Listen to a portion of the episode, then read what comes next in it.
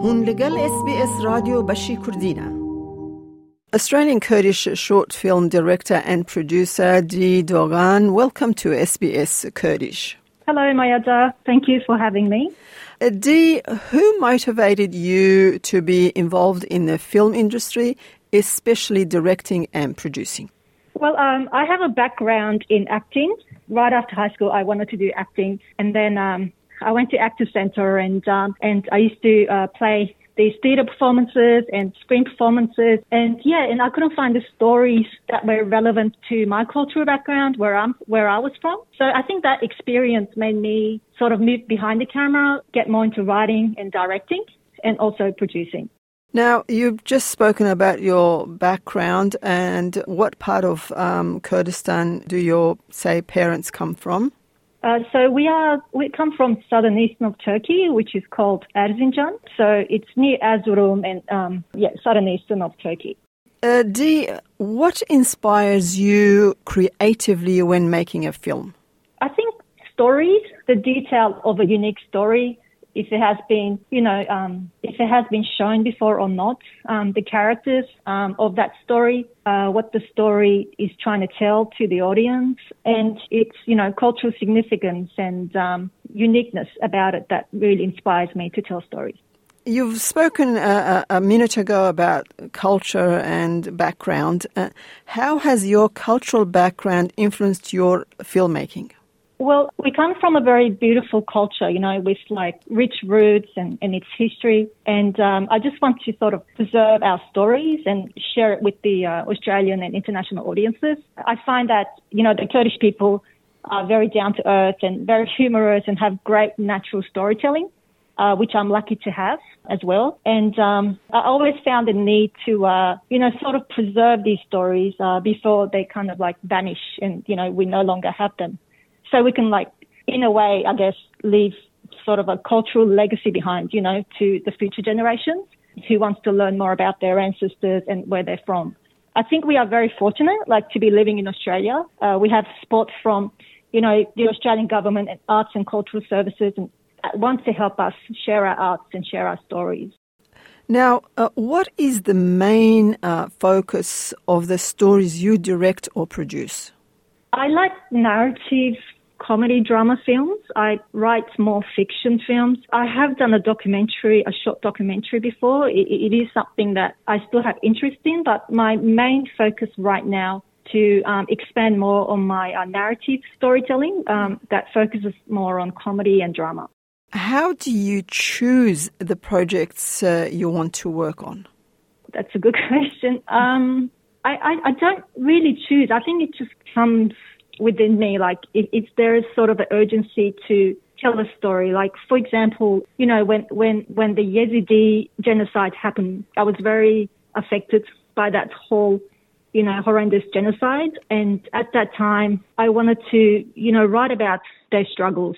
And um, and I've done some research uh, into where the Yazidis were located in Australia after you know numerous years when they came here, and um, and that was one of the reasons why I wrote I co-wrote for the feature film Here Out West mm-hmm. that focused on uh, my chapter was called The Musician, uh, which focused on the struggles of the Yazidi family starting over in, in a foreign country in Australia in Western Sydney, where the lead character is a musician, but he has to work in the construction to sort of look after his family and, and they have to start from scratch. So th- these are all stories that were shared uh, by the lovely Yazidi refugees and, and that sparked a sense of urgency for me to tell that story. So it's, it's these little things that just, you know, that I experience or come across that would sort of motivate me or spark something in me to go and write and, um, and trying to share with, uh, with audiences.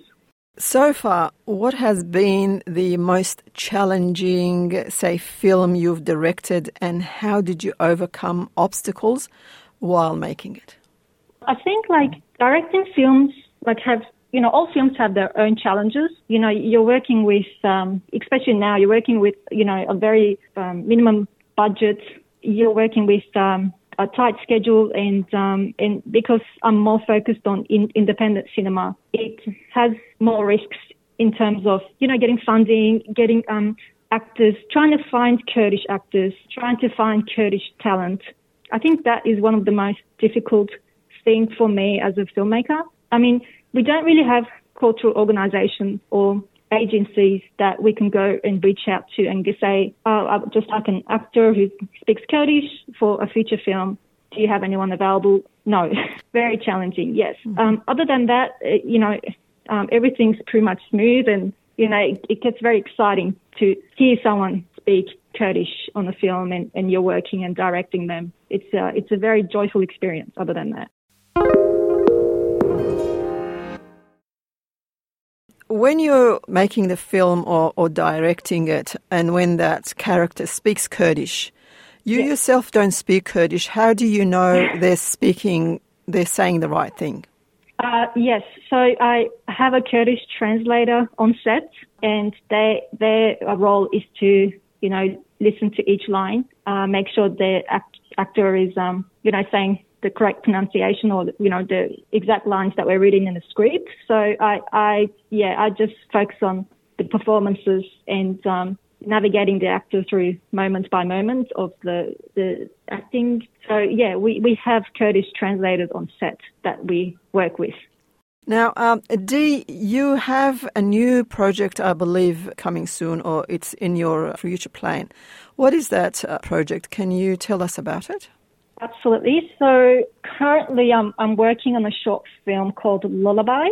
Mm-hmm. Uh, it's a beautiful narrative uh, comedy drama. It's it's about a young woman named Milan. She's an excellent Kurdish singer and has ambitions to sing in the world music competition. Uh, mostly Kurdish lullabies is her, you know her desire to sing these lullabies. And on the most important day of her life, things take a different turn for her. So it's it's a beautiful story between Milan and her mother about coming to terms with this unexpected abandonment from their loved one um, and how they, you know, go through that challenge and find empathy and along the way. So it's set in Western Sydney.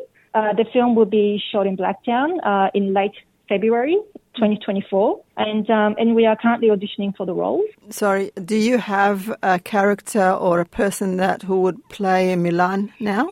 Uh, no, we, we are currently um, in the audition process. We have had, you know, people auditioning for Milan's character, um, but we are opening up the announcements for, for others to come forward and audition for Milan's role. So we haven't casted anyone currently for Milan for the lead role. So, for the characters that you want, you know, for the Kurdish speaking characters, uh, what are you doing about it? A moment ago, you said there aren't any agencies or any, you know, right. um, associations or any organizations that, you know, do that. So, how do you find someone?